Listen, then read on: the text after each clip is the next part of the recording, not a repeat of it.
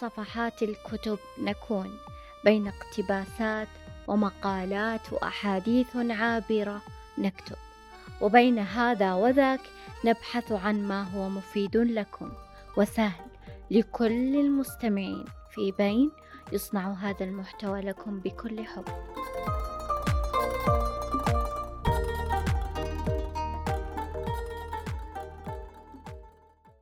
الحلقة الثانية نتاج رماد البيوت.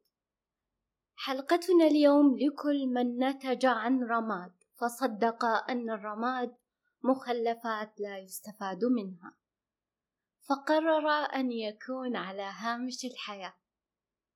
ذاك من ترهاتهم. الحقيقة أن لك قيمة.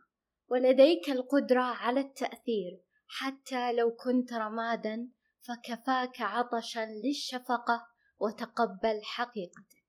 من الأمور التي يجب معرفتها عن كل فرد في المجتمع أن في حياتنا جوانب مختلفة واليوم أحدثكم عن الجانب الإيجابي لتكون رمادا بين أسرتك وأصدقائك والمجتمع كامل. أن ينتج من رمادك ما يستفاد منه للآخرين فيسيرون على أثرك الطيب. أن تكون أنت المنبع فيرتشف منك كل من ضل السبيل وكل من فقد الأمل في من حوله. أنت هنا إيجابي بالفعل. أن يكون المنتج رمادا فلا تكن انعكاسا سلبيا. فكل ألم وحرق لك وكونك رماد هو في الأصل مخرج لكل الفوائد التي فيك. تعلم كيف يتم صهر المعادن والأخشاب. تحتاج إلى نار عالية ودرجة حرارة مرتفعة جدا حتى تخرج لنا بشكل جميل ويتم الاستفادة منها. وفرن الصهر بظلمته وحدوده التي لا تجعل لأي مخرج لما في داخله. لكن النتيجة تصبح أهم حين يتم انقضاء الوقت والمدة تصبح تلك المادة جاهزة للخروج بفوائدها للعالم. الوعي في كونك رماد هي حقيقة لكن يختلف الحجم والمساحة ويؤتينا الله سبحانه وتعالى من الإدراك والعلم الذي قال وما أوتيتم من العلم إلا قليلا. الوعي هو النور الذي يحل على الأمور فتراه ينير الحياة والكون. لا يهم أين وصلت بقدر ما يهم أين اتجاهك وكم خطوة قطعت في ذلك الاتجاه. إنك تعرف مراحل المعرفة في كونك رماد من معلومة وتعرف وقناعة واعتقاد وثقافة. كن راضي فالرضا قد يكون الدواء الأقرب إليك مما تظن. رضاك يظهر لك حقيقة الأمور وتقبل كونك رماد. ستكون قائدا ناجحا في الأمور التي يتوجب عليك القوة والمسؤولية.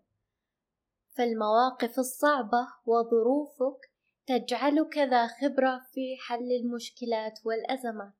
ستكون راضي تمام الرضا عندما ترى دائما نتائجا إيجابية ولها أثر كبير في حياتك اليومية العلمية والعملية.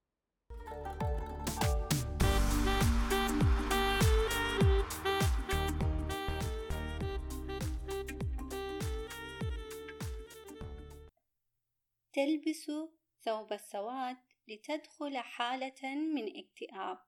سيتم علاجك بكل الطرق حتى تتعافى من شوائب أفعالهم بك. من الأمور التي يجب معرفتها عن كل فرد في المجتمع أن في حياتنا جوانب مختلفة. واليوم أحدثكم عن الجانب السلبي لتكون رمادا بين أسرتك أو الأصدقاء أو المجتمع كاملا. أن تكون منبوذا ولا تنتمي لأحد فتكون نظرتك للحياة سوداء قاتمة. أن تكون مريضا جسديا أو لديك مشكلات وأمراض نفسية أو عقلية. ألا تعرف كيفية التحدث أو الاندماج مع من هم في عمرك. ألا تعرف ما هو الصواب أو الخطأ. أن تحتقر نفسك وترى بأنها عالة وتؤذيها بأي طريقة. بسبب من قرروا إنجاب أرواح ولم يكونوا على القدر الكافي من العلم أو الدين أو الأمانة والمسؤولية. من قالوا يأتي ورزقه معه. من كتبوا عقدا مليئا بالشوائب. التي سكبت على أرواح بريئة فأصبحت تلك الأرواح رمادا. يحترق وقت وعمر المجني عليه؟ فلا دين أو قيم أو مبادئ فيكون بلا هوية. ومع عائلة ذات روابط أسرية مفككة تحكم عليك بالعزلة والوحدة وتفكير بالانتحار أو الهروب أو الانتقام فينشأ من ذلك كراهية للزواج والإنجاب نتيجة ما فعلوه بك فيتغلغل بداخلك الإحساس بالهامشية فتعوض ذلك بنشر النزعات والشهوات فتنحرف عن الصواب. أن تخمد غضبك لوحدك. أفضل من أن تعتمد على شخص آخر؟ لتخمده. فقد يرحل ذات يوم. لتشتعل النار بداخلك. فلا تستطيع إخمادها. فيتبقى لك رماد. لا تستطيع إصلاحه. يحاسبونك على صمتك وعلى حديثك. فلك الخطأ ومنك الخطأ. يودون تحريكك يمنة ويسرى بطريقتهم التي يبتكرونها كل دقيقة. تعالج نفسك من خراب الدنيا الذي يقيم عزاء داخلك كل يوم. ليأتي حمقى يرمون خرابهم في مقبرتك. فتجبر على تعلم التعامل مع آثارهم.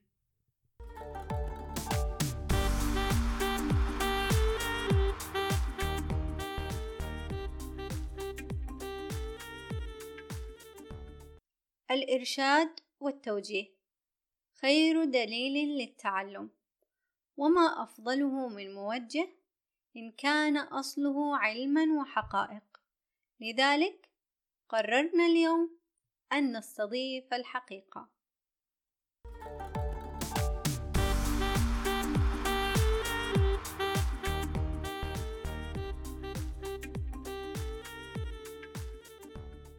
لنتفق. أن من لديه مشكلات اجتماعية أو نفسية متراكمة ومتضخمة يحتاج إلى مساعدة من قبل مختص نفسي أو اجتماعي إلا أن هناك بعض من الأشخاص يستطيعون حل تلك المشكلات بنفسهم. لكن الآن سنتطرق إلى حلول تساعد الشخص الذي نتج من رماد البيوت. رفع مستوى الصلابة النفسية. إدراك الحقائق. فلا ترفعها إلى مستوى إيجابي مفرط. أو سلبي مفرط التفريغ الوجداني عبر الوسائل الصحيحة للعمل والعبادة أي فرصة تطويرية تقتل الوحدة والعزلة والنظرة الدونية للنفس. رفع مستوى المرونة والتقبل والحيادية، وهذا من الذكاء العاطفي، بأن ننظر إلى الدنيا وإلى الناس بنظرة واقعية، فنعلم أن الذي بين أيدينا فقط هو ما نستطيع علاجه وتغييره. التسامي والإعلاء. حيلة نفسية دفاعية لا شعورية.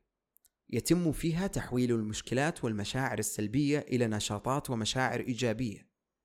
من خلال التفريغ المقبول اجتماعيا. مثل ممارسة الرياضة بدلا من الصراخ والغضب والإحباط وغيره. التجاوز والتخطي. فلا نضع المجهر على كل التفاصيل. العيش في الحاضر. رفع الأنا لمن يعانون من تقدير ذاتي منخفض. ليس للكل بل للحالات التي تعاني من النظر إلى نفسها على أنها عالة أو أنها منبوذة أو أنها أرذل الناس. التوجه إلى المساعدة الخارجية. أخصائي نفسي أو اجتماعي موثوق عند عدم القدرة على مساعدة الذات.